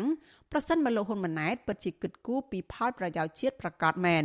ការលើកឡើងរបស់មន្ត្រីបកប្រឆាំងនេះគឺជាការឆ្លើយតបទៅនឹងការលើកឡើងរបស់លោកហ៊ុនម៉ាណែតនៅពេលលោកជួបជាមួយនឹងពលរដ្ឋខ្មែរនៅសហរដ្ឋអាមេរិកនិងនៅប្រទេសកាណាដាដែលក្រុមរបស់លោកហៅថាជាអ្នកគាំទ្រលោកនៅទីក្រុងញូវយ៉កកាលពីថ្ងៃទី23ខែកញ្ញាថាខ្មែរត្រូវតែចេះរួបរวมគ្នាហើយស្មារតីជាតិនិយមមិនមែនចាំបាច់ត្រូវតែចេញតវ៉ាតាមដងផ្លូវទេ ចាស់នៅក្នុងពេលនោះលោកហ៊ុនម៉ាណែតក៏អះអាងដែរថា លោកត្រូវបានអង្គការសហប្រជាជាតិទទួលស្គាល់ស្មើមុខស្មើមាត់ជាមេដឹកនាំរដ្ឋាភិបាលស្របច្បាប់មិនដោយក្រុមអ្នកតវ៉ាប្រឆាំងរូបលោកលើកឡើងថាមិនស្របច្បាប់នោះឡើយចាសសូមអញ្ជើញលោកនាងស្ដាប់បទសម្ភាសជាមួយអ្នកស្រីមូសុខួរអនុប្រធានគណៈបកសង្គ្រោះជាតិដែលឆ្លើយតបនឹងរឿងនេះដូចតទៅចាជំរាបសួរលោកទាវពីចម្ងាយចាចាជំរាបសួរចាតើលោកជំទាវមានការឆ្លើយតបអីយ៉ាងម៉េចពីព្រោះថា លោកហ៊ុនម៉ាណែតបានអះអាងថាមានការទទួលស្គាល់រូបលោករួចហើយទៅនេះចាំមិនមែនជារដ្ឋាភិបាលដែលមិនស្របច្បាប់ឬក៏មិនមានការទទួលស្គាល់អីហើយក៏មិនមិនដូចអ្វីដែលខាងក្រមបាតកោទៀមទានោះដែរចា៎អឺចង់ជម្រាបថាអ្វីដែលយើងបានឮយើងបានឃើញគឺរបាយការណ៍ទាំងឡាយហើយនៅសេចក្តីថ្លែងការណ៍នៃអង្គការសហប្រជាជាតិខ្លួនឯងហ្នឹង លោកអន្តូញូហ្គូតេរ៉េសនិងខ្លួនឯងហ្នឹងគាត់បានធ្វើសេចក្តីថ្លែងការណ៍មួយមុននៅកិច្ចប្រជុំនេះ បានលើកមកនៅការព្រួយបារម្ភហើយរំលឹកទៅដល់លោករដ្ឋាភិបាលកម្ពុជាឲ្យបងបងមានលំហប្រជាធិបតេយ្យហើយរបាយការណ៍គ្រប់ប្រទេសទាំងអស់ដែលជាប្រទេសប្រជាធិបតេយ្យ មុននឹងការបោះឆ្នោតទៅទៀតគេបាននិយាយច្បាស់ណាស់ថាមិនមែនជាការបោះឆ្នោតមួយដ៏សេរីត្រឹមត្រូវនិងយុត្តិធម៌ដោយសារគណៈបកភ្លឹងទៀនអត់បានចូលរួមហើយនឹងដោយសារអត់មានលំហនយោបាយប្រជាធិបតេយ្យពិតប្រាកដហើយលើសនេះទៅទៀតយើងឃើញហើយដល់ពេលលទ្ធផលនៃការបោះឆ្នោតក៏គេបានបញ្ចេញសារគេមានការព្រួយបារម្ភនៅភាសាទូតព្រួយបារម្ភមានន័យថា គេមិនអាចទទួលយកបានទេពីព្រោះគេព្រួយបារម្ភទៅដល់ជោគវាសនានៃប្រជាធិបតេយ្យនៅប្រទេសកម្ពុជាលើសពីនេះទៅទៀតគេបាននិយាយច្បាស់ណាស់ហើយគេបង្ហាញឲ្យឃើញទៀតថា នៅពេលបោះឆ្នោតនេះប្រទេសបារាំងក្តីប្រទេសជប៉ុនក្តីប្រទេសអង្គការសហប្រជាជាតិក្តីសហគមន៍អឺរ៉ុបក្តីសហភាពអឺរ៉ុបក្តីអត់បានផ្ញើនៃអ្នកសង្កេតការផ្លូវការទៅប្រទេសកម្ពុជា ដើម្បីនេះជាបង្ហាញឲ្យច្បាស់ណាស់ថាការបោះឆ្នោតនឹងលទ្ធផលនៃការបោះឆ្នោតគេមិនអាចទទួលបានទេហើយយើងកុំភ្លេចថានៅអង្គការសហប្រជាជាតិនៅពេលនោះពេលណាក៏ដោយពេលមានមហាសន្និបាតមាន កាដាហ្វីក៏ធ្លាប់ទៅដែរចាហើយមានប្រទេសអ៊ីរ៉ង់យើងដឹងថាអ៊ីរ៉ង់ជាអីក៏ក៏នៅអង្គការសហប្រជាជាតិដែរប៉ុន្តែទៅពេលនោះយើងពេលជំនួបជាមួយនឹងប្រមុខនៃ រដ្ឋនីមួយៗគឺគេបង្ហាអង្គការសហប្រជាជាតិរដ្ឋាភិបាលនៃប្រទេសដទៃទៀតដែលគេបង្ហាញឃើញថាអំពីច្បាស់ឲ្យបញ្ជាក់ថាអង្គការសហប្រជាជាតិគឺជាទីស្នាក់ការជាទីកន្លែងដែលគេគោរពគេគោរពសិទ្ធិមនុស្សគេគោរពលទ្ធិប្រជាគោលការណ៍ប្រជាធិបតេយ្យគេគោរពសន្តិភាពពិតប្រាកដយើងកុំភ្លេចថាទោះបីជាយ៉ាងណាក៏ដោយ សំឡេងនៃពលរដ្ឋរបស់យើងជាសំឡេងដែលអង្គការសហប្រជាជាតិទទួលយកហើយសំឡេងចេញមកតាមការបោះឆ្នោតដោយសេរីត្រឹមត្រូវនិងយុត្តិធម៌មួយវិញទៀតចាលោកហ៊ុនម៉ាណែតនឹងក៏បានលើកឡើងដែរអញ្ចេះថាលោកបានជួបជាមួយនឹងអនុរដ្ឋមន្ត្រីស្ដីទីផ្នែកការបរទេសរបស់សហរដ្ឋអាមេរិកហើយក្នុងនោះ លោកបានលើកឡើងថាជំនួយកន្លងមកដែលសហរដ្ឋអាមេរិកបានកាត់ពីកម្ពុជា18លានដុល្លារចាតកតូនទៅនឹងជំនួយផ្នែកសិទ្ធិមនុស្សប្រជាធិបតេយ្យអីហ្នឹងប៉ុន្តែឥឡូវនេះបានផ្ដល់មកឲ្យវិញហើយលោកហ៊ុនម៉ាណែតថាហើយលោកបានចោទសួរទៅថាតើក្រមអ្នកប្រឆាំងនឹងយល់ឃើញយ៉ាងម៉េចវិញនៅពេលដែលគេទទួលស្គាល់ហើយគេផ្ដល់ជំនួយអីមកវិញផងហ្នឹងចា៎ប្រទេសមានប្រជាធិបតេយ្យគេដាក់លក្ខខណ្ឌ គេដាក់លក្ខខណ្ឌលក្ខខណ្ឌធំគឺការគោរពសិទ្ធិមនុស្សការលើកស្ទួយការពារលទ្ធិប្រជាធិបតេយ្យហើយជំនួយនោះជាជំនួយមនុស្សធម៌ជាជំនួយសម្រាប់ជូនទៅដល់ប្រជាពលរដ្ឋខ្មែរដែលយើងជាខ្មែរទាំងអស់គ្នា យើងមិនដែលកាត់ចោលទេឲ្យតែជំនួយនឹងមកដល់ប្រជាពលរដ្ឋណាហើយខ្ញុំសូមបញ្ជាក់ខ្ញុំមានជំនឿច្បាស់ណាស់ថាសហរដ្ឋអាមេរិកដាក់លក្ខខណ្ឌ ហើយមួយវិញទៀតហ្នឹងលោកលើកឡើងថាស្មារតីជាតិនិយមស្មារតីជានិយមនៅក្នុងចំណោមពលរដ្ឋខ្មែរប្រជាជាតិខ្មែរទាំងអស់ហ្នឹងគឺមិនស្ថិតនៅលើការចេញតវ៉ានៅតាមដងផ្លូវទេប៉ុន្តែគឺស្ថិតនៅលើការរួបរวมគ្នាធ្វើការជាមួយគ្នាដើម្បីប្រយោជន៍ជាតិប្រយោជន៍ប្រជាពលរដ្ឋហើយលោកក៏បានលើកឡើងទៀតថាប្រសិនបើខ្មែររួមគ្នាគឺខ្មែរខ្លាំងប៉ុន្តែតើចំពោះ លោកជំទាវមួសហួរវិញលោកជំទាវមើលឃើញយ៉ាងម៉េចថាតើខ្មែរពិតជាអាចរួបរวมគ្នាបានទេហើយតើការដែលចេញតវ៉ាតាមដងផ្លូវរួមមានបដកម្មនៅក្រុងញូវយ៉កនេះថាតើជាប្រយោជន៍សម្រាប់ជាតិទេឬក៏មិនបានបង្ហាញពីស្មារតីជាតិនិយមអីដោយដែលលោកហ៊ុនម៉ាណែតលើកឡើងនេះដែរទេចា៎ខ្ញុំសូមបញ្ជាក់ថានៅលទ្ធិប្រជាធិបតេយ្យណាគឺការតវ៉ាតាមដងផ្លូវតវ៉ាតាមចម្រៀងតវ៉ាតាមសិល្បៈតវ៉ាតាមរូបភាពនៃប្រទេស គឺជាសិទ្ធិសេរីភាពគឺជាគោលការណ៍នៃលទ្ធិប្រជាធិបតេយ្យដែលលោកហ៊ុនម៉ាណែតគួរតែជ្រាបពីព្រោះគាត់បានទទួលការសិក្សាជាន់ខ្ពស់ពីប្រទេសប្រជាធិបតេយ្យខ្ញុំក៏បានទទួលការសិក្សានឹងដែរមិនមែនមានន័យថាខ្មែរបាក់បែកគ្នាទេមិនមែនទេតែបើលោកហ៊ុនម៉ាណែតដូចជាឪពុករបស់គាត់នៅតែចាប់អ្នកដែលមានមតិប្រឆាំងផ្ទុយនឹងគោលការណ៍ណាយើងគោលការណ៍យើងនិយាយអំពីគោលការណ៍ យើងនិយាយអំពីការដែល ប្រព្រឹត្តទៅនៃរដ្ឋាភិបាលរបស់របស់គាត់ហ្នឹងឥឡូវរបស់គាត់ទៀតហ្នឹងយកទឹកដីខ្មែរយកផ្សាយចំការខ្មែរយកពឹងទួខ្មែរយកទៅលក់យកទៅដូរយកទៅឲ្យក្រុមគ្រួសាររបស់ខ្លួនតើយើងជាខ្មែរយើងទទួលយកបានទេហ្នឹងស្មារតីអ្នកស្នេហាជាតិគេគេនិយាយអញ្ចឹងគេមិនមែនផាត់ខ្លួនគេថាគេនៅមិនមែនជាខ្មែរទេ ណាហើយយើងមិនដែលនិយាយថាយើងមិនរួបរวมខ្មែរទេយើងតែតែនិយាយថាខ្មែរតែមួយខ្មែរតែមួយចឹងអ្នកដែលមានអំណាចទៅហើយណាបង្ហាញមកខ្មែរតែមួយរបៀបណាបើកាត់ទោសយើងខ្ញុំមិនឲ្យយើងខ្ញុំចូលទៅប្រទេសវិញផងហើយនៅក្នុងប្រទេសកម្ពុជានរណាដែលទានចេញមតិផ្ទុយគឺជាប់គុកទាំងអស់ ហើយគេតាមដានទាំងអស់គេបង្ខត់បង្ខំឲ្យចូលគណៈបកប្រជាជនទាំងអស់តើនេះគឺជាការខ្មែររួបរวมគ្នាទេអត់មានទេ ហើយយើងសូមបញ្ជាក់ថាក្នុងរយៈពេលមួយខែមួយខែលើសពី3ថ្ងៃទេដែលលោកហ៊ុនម៉ាណែតបានកាន់ថាខ្លួនជានាយករដ្ឋមន្ត្រីនៃរដ្ឋាភិបាលកម្ពុជា នៅក្នុងមួយខែហ្នឹងតើមានប្រតិកម្មអីកើតឡើងតើអ្វីដែលយើងឃើញច្បាស់នឹងភ្នែកគឺ ឈាមហូរសស្រាក់នៃលោកមីណាបុគ្គលតែម្នាក់នេះតើលោកហ៊ុនឥឡូវខ្ញុំសូមឲ្យលោកហ៊ុនម៉ាណែតហ៊ានថាលោកហ៊ុនម៉ាណែតត្រូវតែបញ្ជាមានអ្នកកម្មការស្រាវជ្រាវធ្វើការស៊ើបអង្កេតពិតប្រាកដថាអ្នកណាអ្នកណាដែលវាយខ្សឹតែស្រាប់ទៅលោកលោកនីណាតនេះសូមមកប្រកាសមកដើម្បីឲ្យបញ្ចប់បបធរនីតិរដ្ឋភាពបើសិនជានៅតែបន្តរបៀបហ្នឹងហើយនឹងនឹងវាបន្តទៀត តើលោកហ៊ុនម៉ាណែតទទួលខុសត្រូវទេទទួលខុសត្រូវនៅកុំអោយឈាមខ្មែរហូរសស្រាក់របៀបហ្នឹងទៀតហើយទី2នៅក្នុងមួយខែហ្នឹងអ្នកប្រឆាំង23រូបចាប់គ្នាយកទៅ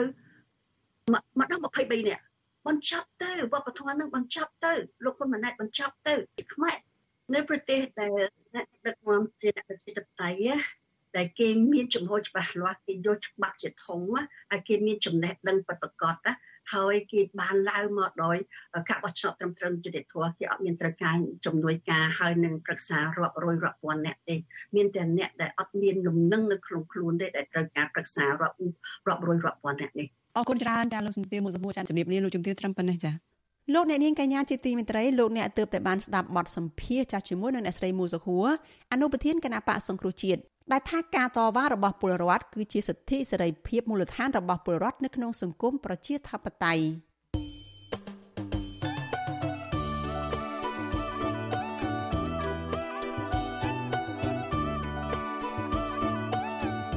លោកអ្នកនាងកញ្ញាជាទីមេត្រីដំណើរគ្នានឹងស្ដាប់ការផ្សាយរបស់វិទ្យុអាស៊ីសេរីជាតាមបណ្ដាញសង្គម Facebook YouTube និង Telegram លោកអ្នកនាងក៏អាចស្ដាប់ការផ្សាយរបស់វិទ្យុអាស៊ីសេរី តាមរយៈវិទ្យុរលកធាតុអាកាសខ្លីឬ Shortwave Post SW តាមកម្រិតនិងកម្ពស់ដូចតទៅនេះពេលព្រឹកចាប់ពីម៉ោង5កន្លះដល់ម៉ោង6កន្លះតាមរយៈ Post SW 12.14 MHz ស្មើនឹងកម្ពស់ 25m និង Post SW 13.71 MHz ស្មើនឹងកម្ពស់ 22m ពេលយប់ចាប់ពីម៉ោង7កន្លះដល់ម៉ោង8កន្លះតាមរយៈ post SW 9.33 MHz ស្មើនឹងកម្ពស់ 32m post SW 11.88 MHz ស្មើនឹងកម្ពស់ 25m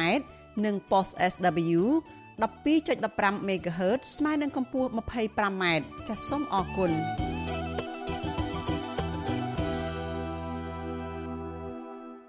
លោកអ្នកនាងកញ្ញាប្រិយមិត្តជាទីមេត្រីលោកអ្នកកំពុងស្ដាប់វិទ្យុអាស៊ីសេរីផ្សាយចេញពីរដ្ឋធានី Washington សហរដ្ឋអាមេរិក ចក្រមសិប្បករស្មូនក្អមឆ្នាំងវត្ថុអនុស្សាវរីយ៍និងចង្ក្រានស្នើអរដ្ឋាភិបាលគិតគូរពីមុខរបរដែលបន្សល់ទុកពីដូនតានិងជួយរកទីផ្សារលក់ផលិតផលសិប្បកម្មជូនពួកគាត់ពួកគាត់ត្អូញត្អែថាសិប្បកម្មធ្វើដោយដៃត្រូវចំណាយកម្លាំងច្រើនប៉ុន្តែទទួលបានប្រាក់ចំណេញតិចតួច ដែលធ្វើពលរដ្ឋមួយចំនួនបានបោះបង់មុខរបរនេះហើយងាកទៅរកការងារនៅក្រៅស្រុកធ្វើវិញចាលោកជីវតា មានសេចក្តីរាយការណ៍មួយទៀតអំពីរឿងនេះជូនលោកអ្នកនាង នៅចម្ងាយប្រមាណ3គីឡូម៉ែត្រពីទីរួមខេត្តកំពង់ឆ្នាំងតាមបណ្ដោយផ្លូវក្រាលកៅស៊ូស្ថិតក្នុងទឹកដីស្រុករលាផ្អៀភូមិអណ្ដូងឫស្សីឃុំស្រែថ្មី ដែលអមដោយជួរភ្នំពាត់ជុំវិញនិងទេសភាពខៀវស្រងាត់មានប្រជាពលរដ្ឋជាច្រើននាំគ្នាស្មូនក្អមឆ្នាំងវត្ថុអនុស្សាវរីយ៍និងសិប្បកម្មចង្ក្រានលក់ដើម្បីរកប្រាក់ចំណូល អ្នកស្រីកែវផល្លាដែលកំពុងមមាញឹកស្មូនក្អមនៅក្រោមសញ្ញាផ្ទះប្រក់សង្កសី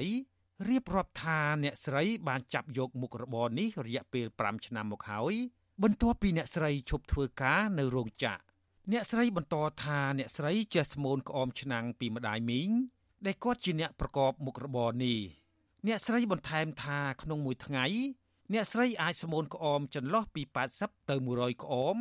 ដោយទទួលប្រាក់ចំណូល300ដុល្លារក្នុងមួយខែសម្រាប់ផ្គត់ផ្គង់ជីវភាពហ្នឹងតាមតាណាគេអត់បានដូចគេគេចង់បានទៅគេមករោមកយកទៅបើគេមិនចង់បានទេអត់បងគិតថាល្អអូនថាគាត់មានទីផ្សារឲ្យទទួលរបស់ពីអ្នកធ្វើចេញទៅតាមខេត្តតាមប្រទេសតាមឯដែលគាត់អាចនាំចេញទៅបានណាអានោះបងគិតថាល្អអ្នកស្រីកែផល្លាជាអ្នកស្មូនក្អម និងវត្ថុអនុស្សាវរីយ៍ផ្សេងផ្សេងទៀតដូចជារូបទន្សាយកូនជ្រូក និងផើងផ្កាដាក់លម្អក្នុងផ្ទះជាដើម អាស្រ័យទៅលើម៉ូយជាអ្នកកំងអ្នកស្រីបន្តថាតម្លៃលក់រាយក្នុងក្អមមួយថ្លៃ2000រៀលនិងលក់បោះដុំតម្លៃត្រឹម1500រៀលប៉ុណ្ណោះហើយបញ្ហាតម្លៃថោកនេះគឺដោយសារការនាំចូលរបស់របរមកពីក្រៅប្រទេសច្រើនពេកដែលធ្វើឲ្យតម្លៃសិប្បកម្មធ្វើដោយដៃនៅក្នុងស្រុក ពុំសូវទទួលបានការឲ្យតម្លៃហើយយើងបើធ្វើដៃយើងធ្វើតែតែអត់សូវដូចគ្នាទេព្រោះថាវាមានរៀងទូចតិចទៅរៀងធំតិចទៅហើយម៉ូតក៏វាចេញមកវារៀងលំអៀងគ្នាបងថាបើនាំចូលមកច្រើនការធ្វើដោយដៃនេះវាវាធ្លាក់ចុះហើយអូនវាអត់សូវដំណើរការព្រោះថាគេម៉ាស៊ីនគេធ្វើលឿនហើយស្អាតយើងធ្វើដោយដៃមិនសូវស្អាតដូចគេហើយតម្លៃវារៀងធូរជាងគេទៀត កំពុងអង្គុយច្រកផេះអង្កាមក្នុងចង្ក្រាន លោកជ័យសុផល ជាម្ចាស់សិប្បកម្មផលិតចង្ក្រានថ្លែងថា ជីវភាពគ្រួសាររបស់លោកសពថ្ងៃគឺពឹងផ្អែកលើការធ្វើចង្ក្រាននេះដើម្បីចិញ្ចឹមក្រពះនិងជួយឲ្យពលរដ្ឋនៅក្នុងភូមិរបស់លោក មានការងារធ្វើផងដែរលោកបន្តថា លោកត្រូវងើបពីព្រឹកដើម្បីដុតចង្ក្រាន ពីព្រោះការធ្វើចង្ក្រាន គឺអាស្រ័យទៅលើកម្ដៅថ្ងៃ ដែលធ្វើឲ្យគុណភាពចង្ក្រានល្អ ស្នើទៅថ្នាក់ដឹកនាំអីក៏រាជរដ្ឋាភិបាលអីចឹងដែលគាត់អ្នកដឹកនាំសុខទេសអីហ្នឹងគាត់ថាសុំឲ្យតាសេដ្ឋកិច្ចយើងហ្នឹងវាដើរមានអ្នកមកទិញហើយអ្នកយកទៅលក់ហ្នឹងលក់អស់ហើយហើយគាត់លក់អស់ចឹងទៅគាត់បកមកយកយើងសុំតែប៉ុណ្ណឹងទេបាទវាអត់មានសុំសុំជាលុយសកាយអត់ទេសុំតែអញ្ចឹងសុំតែឲ្យតែដើរធម្មតាទិញចូលលក់ចេញអញ្ចឹងទៅចំណេញគ្រប់គ្នាចំណេញទាំងអស់គ្នាខ្ញុំបានពីនោះមកចែកឲ្យកម្មករខ្ញុំលោកជេងសុផលបន្ថែមថា រយៈពេល2ឆ្នាំបន្ទាប់ពីជំងឺ Covid-19 ចង្ក្រានរបស់លោកពិបាកលក់ចេញ ដែលធ្វើឲ្យប្រាក់ចំណូលធ្លាក់ចុះដូច្នេះលោកក៏ត្រូវកាត់បន្ថយចំនួនកម្មករនៅក្នុងរោងសិប្បកម្មរបស់លោកដែរមានឲ្យគាត់ឈប់ឲ្យគាត់ធ្វើការងារអីទៀតទៅបើចំណូលយើងតិចយើងទៅប្រើកម្មករច្រើនយើងបានអីបើកឲ្យគាត់អត់មានបើកអីអត់មានអីឲ្យគាត់យើងនៅធ្វើចក្រាននៅក្នុងស្រុកភូមិខ្លួនឯងបានត្រឹមមួយថ្ងៃ30000 40000អីទៅមិនបាច់ទៅណាក់ស្រុកវាល្អម្យ៉ាងដែរ ដោយឡែកកម្មករកំពុងធ្វើមុំចង្ក្រានក្នុងរោងសិប្បកម្មរបស់លោកជ័យសុផល គឺអ្នកស្រីតូចណេតសម្ដែងការព្រួយបារម្ភអំពីការបិទសិប្បកម្មផលិតចង្ក្រាននេះដែលនឹងធ្វើឲ្យអ្នកស្រីបាត់បង់ប្រាក់ចំណូលពីព្រោះបច្ចុប្បន្នគ្រួសារអ្នកស្រីគ្មានមុខរបរផ្សេងទៀតនោះទេ អ្នកស្រីបន្តថាក្នុងមួយថ្ងៃអ្នកស្រីកាត់ជើងចង្ក្រានបាន40ដោយក្នុងចង្ក្រានមួយទទួលបានប្រាក់800រៀល ធ្វើតែដៃក៏គូក្តីឥឡូវគេឈប់នឹងទៅណាមួយរោងចាក់គេដូចផ្អាកការងារទៀតពិបាករហហើយគាត់ច្រើនពីច្រើនទៅថៃជាថៃចាក់ក៏ឈប់គោផ្អាកការងារការងារនេះដូចថាការងារជាក្រានធ្លាប់វិលដើរច្រើនដល់ឥឡូវវាទៅជាដូចថា100%អីបានដើរបានតែត្រឹម30%អញ្ចឹងយើងវាបាត់បង់70%ច្រើនដំណើរការស្មូនក្អមឆ្នាំងនិងវត្ថុអនុស្សាវរីយ៍ គឺត្រូវការដីដែលស្អិតដើម្បីធ្វើនិងដាក់ហាលថ្ងៃយ៉ាងហោចណាស់2ថ្ងៃឲ្យស្ងួតល្អដើម្បីទទួលបានពណ៌ក្អមស្រស់ស្អាតនៅពេលដុតចំពោះចង្ក្រានវិញ គឺពុំសូវខុសគ្នានោះទេពលគឺត្រូវការដីដែលស្អិតនិងដុតរយៈពេល2ម៉ោង ដោយមានអ្នកចាំដាក់អុសរក្សាកម្ដៅឲ្យក្ដៅហើយត្រូវដុតនៅពេលមេឃបើកថ្ងៃតែប៉ុណ្ណោះប្រជាពលរដ្ឋភៀកច្រើនដែលជាសិប្បករឲ្យដឹងថា ដីដែលពួកគេយកមកស្មូនក្អមឆ្នាំងនិងធ្វើចង្ក្រាន គឺបានមកពីភ្នំក្រាំងដីមាសដែលជាប្រភេទដីចេញស្អិតអាចធ្វើក្អមឬឆ្នាំងមានពណ៌ផ្លេកនិងក្រហមល្អពេលដុតរួចចំពោះប្រភេទដីផ្សេង គឺมันអាចយកមកធ្វើក្អមឆ្នាំងឬចង្ក្រានបានទេ ដោយដីទាំងនោះងាយផុយស្រួយ និងគ្មានពណ៌ស្អាតវិទ្យុអាស៊ីសេរីមិនអាចតាក់ទងអភិបាលខេត្តកំពង់ឆ្នាំងលោកសុនសវណ្ណរិទ្ធ និងអ្នកនាំពាក្យក្រសួងឧស្សាហកម្មវិទ្យាសាស្ត្របច្ចេកវិទ្យា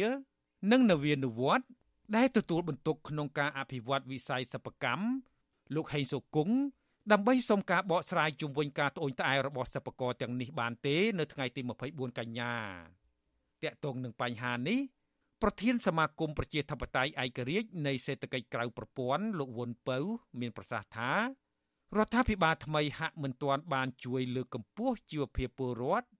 ដែលប្រកបមុខរបរប្រពៃណីស្មូនក្អមឆ្នាំងនៅឡើយទេ លោកបារម្ភថា មុខរបរបែបប្រពៃណីនេះអាចនឹងបាត់បង់នៅថ្ងៃណាមួយ ប្រសិនបើរដ្ឋាភិបាលនៅតែមិនអើពើ ចំពោះបញ្ហានេះ។ សូមអំពាវនាវទៅរដ្ឋាភិបាលសូមឲ្យគិតគូរឡើងវិញអំពីក្រមស្មូនឆ្នាំងដែលជាក្រមអត្តសញ្ញាណជាតិមួយនៅខេត្តកំពង់ឆ្នាំងនេះផងដែរដើម្បីឲ្យគាត់មានឱកាសបន្តកេរមរតកពីដូនចតារបស់យើងឡើងវិញនៅមុខរបរស្មូនឆ្នាំងដើម្បីធ្វើឲ្យគាត់ភាពប្រាក់ចំណូលប្រចាំថ្ងៃឲ្យមានការកើនឡើងបន្ថែមទៀតឲ្យឆ្លើយតបទៅនឹងនេះផងដែរគួរតែទាក់ទាញវិស័យទេសចរភ្ជាប់ជាមួយនឹងរបរស្មូនឆ្នាំងរបស់ពួកគាត់ផងដែរជាពិសេសក្រសួងទេសចរនេះអ្នកភូមិអណ្ដូងរិស័យខេត្តកំពង់ឆ្នាំង មានអ្នកផលិតក្អមចង្ក្រាន និងវត្ថុអនុស្សាវរីយ៍ពីដីច្រើនជាងគេនៅទូទាំងខេត្តភូមិអណ្ដូងឫស្សីមានពលរដ្ឋសរុបជាង400គ្រួសារក្នុងនោះគ្រួសារដែលធ្វើក្អមឆ្នាំងមានប្រហែល40គ្រួសារផលិតវត្ថុអនុស្សាវរីយ៍ចំនួន150គ្រួសារនិងធ្វើចង្ក្រានលក់ដុំនិងរាយនៅតាមផ្ទះចំនួន50គ្រួសារដោយពឹងផ្អែកលើសិប្បកម្មទាំងនេះដើម្បីរកប្រាក់ចំណូល។ ក្រៅពីអ្នកភូមិអណ្ដូងឫស្សីនៅមានអ្នកភូមិបាញ់ឆ្កោលត្រពាំងអននិងភូមិខ្លីក្នុងឃុំជ្រៃបាក់ក៏ប្រកបមុខរបរស្មូនក្អមឆ្នាំងនេះដែរលើសពីនេះនៅតំបន់ភ្នំមន់ស្រុកជលគិរីភូមិក្រៃទ្រីត្បូងនិងព្រៃគ្រីជើង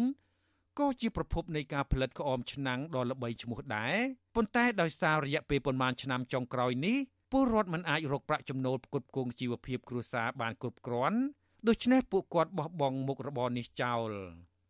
បើទោះបីជាមុខរបរសិប្បកម្មនេះត្រូវប្រើកម្លាំងនិងចំណាយដើមទុនច្រើន ហើយប្រឈមបញ្ហាគ្មានទីផ្សារលក់ផលិតផលយ៉ាងណាក្តីក៏ប្រជាសិប្បករមួយចំនួន នៅតែមិនបោះបង់មុខរបរនេះឡើយពួកគាត់អះអាងថា ការស្មូនក្អមឆ្នាំងនិងចង្ក្រាននេះគឺជាអត្តសញ្ញាណខេត្តកំពង់ឆ្នាំងនិងជាកេរដំណែលបន្សល់ទុកតាំងពីដូនតា ដូច្នេះពួកគាត់មិនចង់ឲ្យបាត់បង់នោះទេប្រជាសិប្បករក្អមឆ្នាំងដីស្នើឲ្យរដ្ឋាភិបាល ស្នើឲ្យរដ្ឋាភិបាលជួយរកទីផ្សារលក់ផលិតផល ពីព្រោះពួកគាត់មិនចង់ចំណាក់ស្រុកទៅក្រៅប្រទេសនោះទេខ្ញុំជីវិតាអាស៊ីសេរី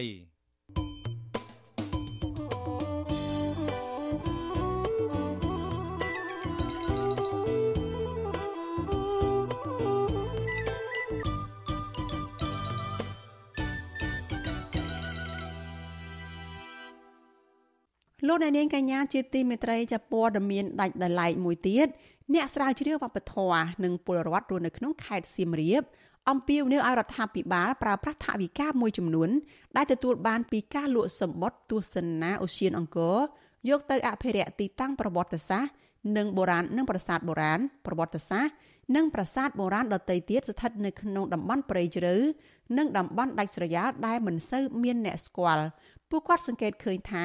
ប្រាសាទបុរាណនៅតំបន់នោះកំពុងប្រឈមនឹងការបំផ្លិចបំផ្លាញធនធានធម្មជាតិនិងការកោះកកាយយកវត្ថុបុរាណជាបន្តបន្ទាប់ចាអ្នកស្រីម៉ៅសុធានីរាយការណ៍ព័ត៌មាននេះអ្នកត្រាវជ្រាវផ្នែកវប្បធម៌និងបរដ្ឋរស់នៅខេត្តសៀមរាបបារម្ភពីការបាត់បង់ប្រាសាទបុរាណតូចៗជាបន្តបន្ទាប់ស្ថិតនៅតំបន់ដាច់ស្រយាលក្នុងព្រៃជ្រៅ នាខេត្តសៀមរាប និងខេត្តព្រះវិហារ ប្រាសាទទាំងនោះនៅតែរងការខូចខាតដោយលើអន្លើដោយសារសកម្មភាពកັບទន្ទ្រានព្រៃរៀនយកដី ការជីកយកវត្ថុបុរាណនិងការរំលោភដីធ្លី ធ្វើជាកម្មសិទ្ធិពីសំណាក់ជនខិលខូច និងបុគ្គលមានលុយមានអំណាច បរដ្ឋរនៅខេត្តសៀមរាបដែលតែងតែនាំភ្ញៀវទេសចរទស្សនាប្រាសាទលោកកំសៃប្រពន្ធស៊ីស្រីថាមានប្រាសាទជាច្រើនស្ថិតនៅក្នុងស្រុកស្វាយលើខេត្តសៀមរាប ហើយនិងស្រុកគូលែនខេត្តព្រះវិហាររួមមានប្រាសាទទ្រង់ប្រាសាទរើប្រាសាទកងភ្លុក និងប្រាសាទភ្នំសណ្ដនៅពុំទាន់មានផ្លូវធ្វើដំណើរល្អចូលទៅទីនោះនៅឡើយ រីឯប្រាសាទជាច្រើនទៀតក៏គ្មានផ្លូវចូលទៅឡើយហើយអ្នកទេសចរត្រូវធ្វើដំណើរដោយថ្មើរជើងជាច្រើនគីឡូម៉ែត្រ កូនភ្នំកលែនជាតំបន់មួយមហិច្ឆតារបស់ជាខ្មែរយើងបងប្អូនមិនត្រឹមតែជាប្រភពទឹកផ្ដល់នៅទឹកឲ្យខេត្តសៀមរាបប៉ុណ្ណោះទេហើយជាប្រាសាទដែលជាតំបន់ដែលអតីតរាជធានីខ្មែរយើងសម័យសតវត្សទី9មានប្រាសាទរឹបរយប្រាសាទមានរូងភ្នំធម្មជាតិមានទឹកធ្លាក់សម្បូរដល់អូនគ្រប់បងកថារដ្ឋាភិបាលគួររៀបចំភ្នំកលែនចុះបញ្ជីប្រទេសកម្ពុជាពិភពលោកពីបីយើងការពារធនសម្បត្តិធម្មជាតិរបស់យើងផងហើយមានការរំលោភបំពានខ្វៀលដីពីធនធានជាតិផងបងណា បរាដដែលបន្ថែមថាសកម្មភាពកាប់រៀនព្រៃយកដីធ្វើកសិកម្មការកាប់ឈើធំធំ និងការជីកគាស់យកវត្ថុបុរាណនៅតែកើតមាន ធ្វើឲ្យប៉ះពាល់ដល់សម្បត្តិបេតិកភណ្ឌហើយនិងសម្រាប់បរិស្ថាននៅជុំវិញប្រាសាទទាំងនេះ លោកក៏បានថ្នាក់អាជ្ញាធរមូលដ្ឋាននិងក្រសួងវប្បធម៌សហការរកមធ្យោបាយការពារសវត្ថិភាពប្រាសាទបុរាណតូចធំ នៅតំបន់នោះឲ្យគង់វង្សនិងកសាងហេដ្ឋារចនាសម្ព័ន្ធគ្រប់ច្រកល្ហកដើម្បីតាក់ទាញភ្ញៀវទេសចរ អ្នកសិក្សាស្រាវជ្រាវវប្បធម៌ដែលតែងតែចុះស្រាវជ្រាវរកប្រាសាទបុរាណក្នុងព្រៃលោកហៀកសេងហួតឲ្យដឹងថាពួកលោក បានប្រទះឃើញប្រាសាទបុរាណមួយចំនួនទៀតកម្រមានអ្នកទៅដល់ដែលស្ថិតនៅមិនឆ្ងាយពីប្រាសាទកោះកេរក្នុងខេត្តព្រះវិហារក្នុងនោះរួមមាន ប្រាសាទអារាមរងចិន ប្រាសាទ5ប្រាសាទកាចាប់ និងប្រាសាទកំពែងពីរជាន់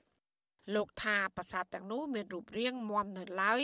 មានខឿននិងចម្លាក់ជញ្ជាំងរំលេចទៅដោយរចនាសម្ព័ន្ធបន្លាយទឹកបុរាណដែលអាជ្ញាធរគួរតែថែរក្សាជួសជុលនិងអភិរក្សឡើងវិញ។លោកបន្ថែមទៀតថាពួកលោកកំពុងសិក្សាស្រាវជ្រាវពីសំណង់បុរាណទាំងនេះ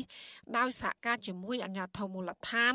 ផ្សព្វផ្សាយឲ្យបានទូលំទូលាយដើម្បីស្វែងរកជំនួយអភិរក្ស ពីវិស័យឯកជននិងអង្គការសង្គមស៊ីវិល។គេថែទាំហើយតែគ្រាន់តែវាអត់ទាន់ពេញលេញចង់និយាយថាបើសិនជាប្រាសាទអស់នោះត្រូវបានគេ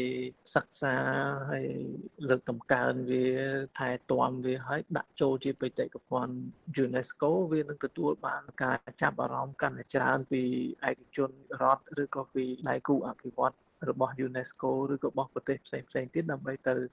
ជួយក្នុងការការងារអភិរក្សហើយនឹងលើកកម្ពស់នៅរចនាសម្ព័ន្ធប្រាសាទឬក៏ផ្លូវហេដ្ឋារចនាសម្ព័ន្ធផ្សេងផ្សេងអញ្ចឹងណាវត្ថុអសីស្រីមិនទាន់អាចតកតងសំការបំភ្លឺរឿងនេះ ពីអ្នកនាំពាក្យអាជ្ញាធរជាតិអប្សរាលោកលងកុសល និងអគ្គនាយកហិរញ្ញវត្ថុនៃក្រសួងវប្បធម៌លោកវិនឡៃជួបាននៅឡើយទេ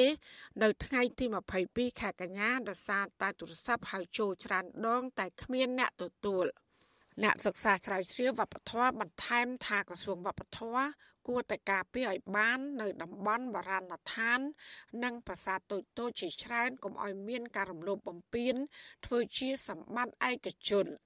លោកថាប្រាសាទដ៏ធំមួយគឺប្រខណ្ឌកំពង់ស្វាយដែលស្ថិតក្នុងខេត្តព្រះវិហារអាជ្ញាធរក៏គួរតែអភិរក្សឲ្យបានល្អនិងកសាងផ្លូវចូលទៅទីនោះដើម្បីរំច្រានឲ្យវិស័យទេសចរលូតលាស់គ្រប់តំបន់និងលើកកម្ពស់សេដ្ឋកិច្ចសហគមន៍ ជុំវិញរឿងនេះដែរប្រធានសមាគមមគ្គទេសទេសចរខ្មែរអង្គរលោកខៀវធីយល់ឃើញថាប្រសិនបើអាជ្ញាធរអភិរក្សនិងជួសជុលប្រាសាទបុរាណតូចតូច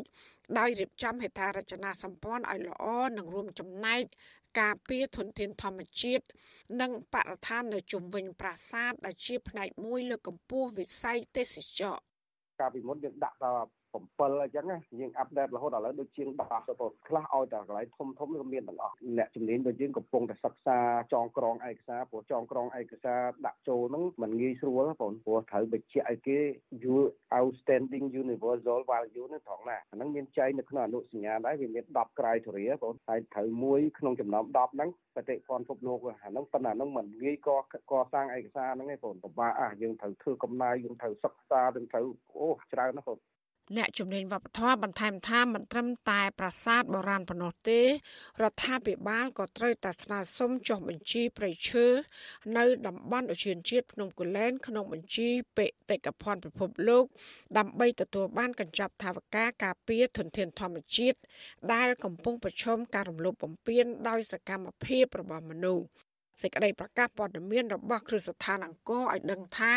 គិតត្រឹមត្រីមាសទី1ឆ្នាំ2023 ភ្ញៀវទេសចរបរទេសទិញបានចូលទស្សនារមណីយដ្ឋានអង្គរ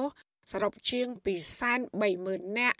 ដោយទទួលបានថវិកាពីការលក់សម្បត្តិចំនួនជាង11លានដុល្លារអាមេរិកចាននាងខ្ញុំម៉ៅសុធានីវិទ្យុអាស៊ីស្រី ប្រធានាធិបតី Washington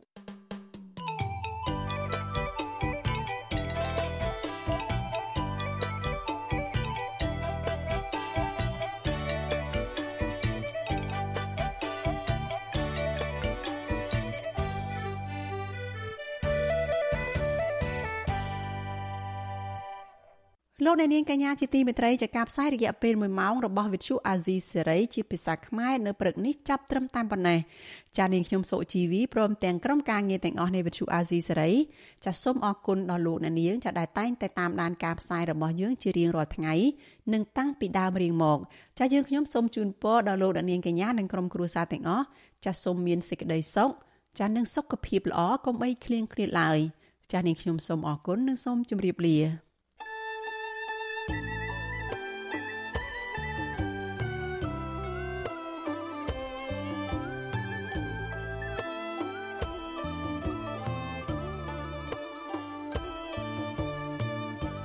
វិទ្យុអាស៊ីសេរីផ្សាយតាមរលក ធាតុអាកាសខ្លីតាមកម្រិត និងកម្ពស់ដូចតទៅនេះពេលព្រឹកចាប់ពីម៉ោង5កន្លះដល់ម៉ោង6កន្លះតាមរយៈប៉ុស SW 12.14 MHz ស្មើនឹងកម្ពស់ 25m និងប៉ុស SW 13.71 MHz ស្មើនឹងកម្ពស់ 22m ពេលយប់ចាប់ពីម៉ោង7កន្លះដល់ម៉ោង8កន្លះតាមរយៈប៉ុស SW 9.33 MHz ស្មើនឹងកម្ពស់ 32m ប៉ុស SW 11.88 MHz ស្មើនឹងកម្ពស់ 25m និងប៉ុស SW 12.14 MHz ស្មើនឹងកម្ពស់ 25m លោកអ្នកនាងក៏អាចស្ដាប់និងទស្សនាការផ្សាយផ្ទាល់នៅលើគេហទំព័ររបស់ Vuthu Azizi Saray តាមរយៈអាស័យដ្ឋាន rfa.org/ ខ្មែរក្រៅពីនេះលោកអ្នកនាងក៏អាចអាននិងទស្សនាព័ត៌មាន Vuthu Azizi Saray លើទូរស័ព្ទដៃរបស់លោកអ្នកផ្ទាល់ សូមលោកអ្នកនាងដំឡើងកម្មវិធី Vithu Azisari នៅលើទូរស័ព្ទដៃរបស់លោកអ្នកនាងឬស្វែងរក Vithu Azisari នៅលើ YouTube ឬ Facebook ដោយស្វែងរកពាក្យថា Vithu Azisari ឬ RFA ខ្មែរ